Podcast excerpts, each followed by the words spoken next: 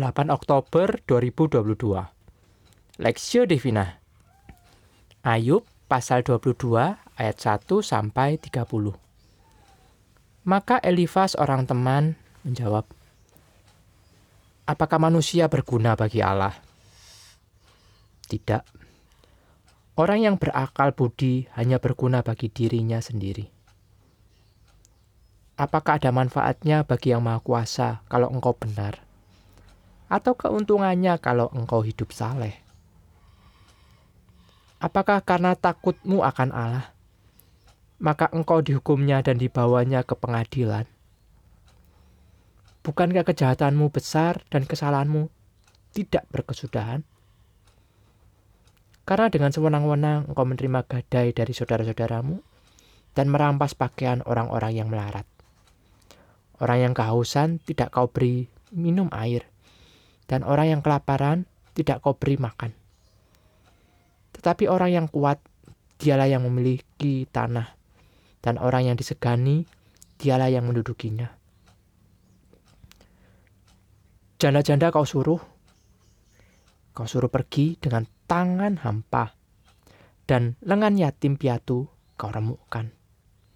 Itulah sebabnya engkau dikelilingi perangkap dan dikejutkan oleh kedahsyatan dengan tiba-tiba terangmu menjadi gelap, sehingga engkau tidak dapat melihat, dan banjir meliputi engkau.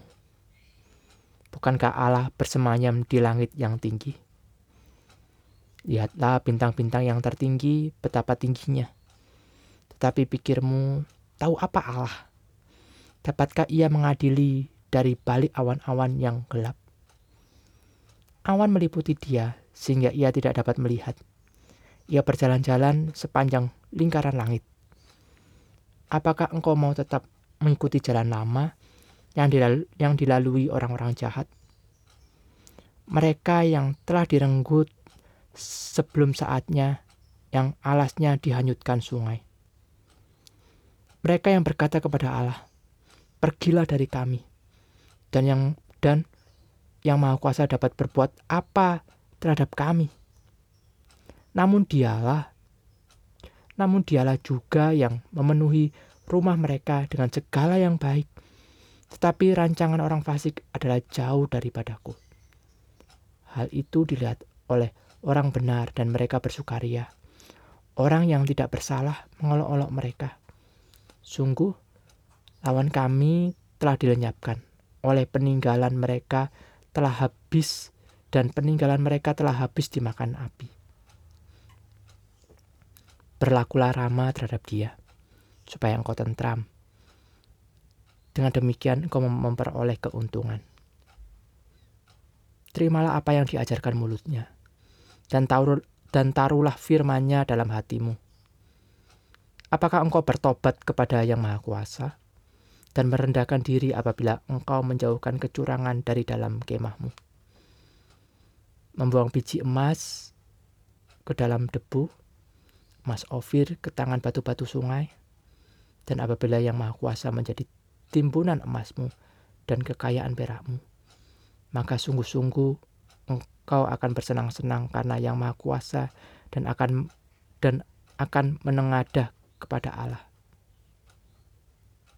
Jika engkau berdoa kepadanya, ia akan mengabulkan doamu dan engkau akan membayar nasarmu. Apabila engkau memutuskan berbuat sesuatu, maka maka akan tercapai maksudmu dan cahaya terang menyinari jalan-jalanmu. Karena Allah merendahkan orang yang angkuh, tetapi menyelamatkan orang yang menundukkan kepala. Orang yang tidak bersalah diluputkannya. Engkau luput karena kebersihan tanganmu. Bertobat dan menerima berkat perspektif dan dikejutkan oleh kedahsyatan dengan tiba-tiba terangmu menjadi gelap sehingga engkau tidak dapat melihat dan banjir meliputi engkau. Ayub pasal 22 ayat 10 sampai 11. Elifas adalah sahabat Ayub yang sangat mengerti konsep tentang keadilan Tuhan, sehingga perkataannya sangat rohani dan tampak masuk akal. Sayang sekali Elifas menggunakan pemahaman teologinya untuk menuduh dan menghukum Ayub. Seperti halnya Sofar Elifas juga menempatkan Ayub sebagai orang yang berdosa yang sedang dihukum oleh Allah. Namun lebih jauh lagi, Elifas bahkan mengatakan bahwa Ayub telah melakukan kejahatan besar secara terus-menerus. Ia menuduhkan hal-hal keji yang sebenarnya tidak pernah dilakukan Ayub. Seperti sewenang-wenang menerima gadai, merampasi orang melarat, tidak memperhatikan mereka yang haus dan lapar, bahkan menekan para janda dan yatim piatu. Apakah Ayub memang melakukan semua kejahatan itu? Pada pembukaan kitab Ayub, kita tahu bahwa Ayub yang berasal dari tanah Us adalah seorang yang saleh dan jujur, takut akan Allah dan menjauhi kejahatan. Ayub pasal 1 ayat 1. Allah sendiri memuji Ayub sebagai orang yang tiada duanya di bumi.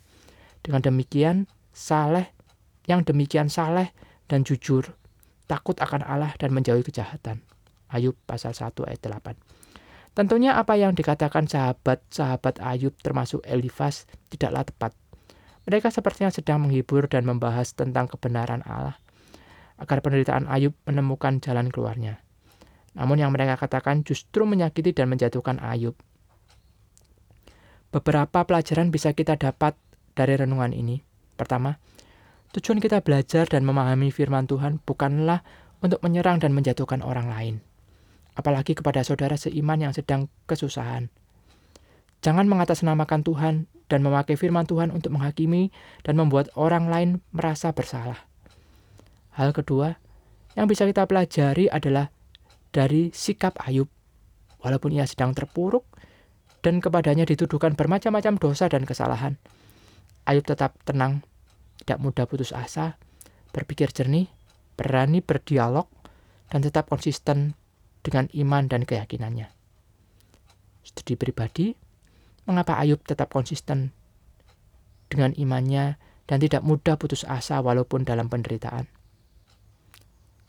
Pokok doa, berdoalah bagi orang yang kita kenal yang sedang mengalami kesulitan agar Tuhan menguatkannya sehingga sehingga dia tidak menjadi putus asa dan menjauh dari Tuhan.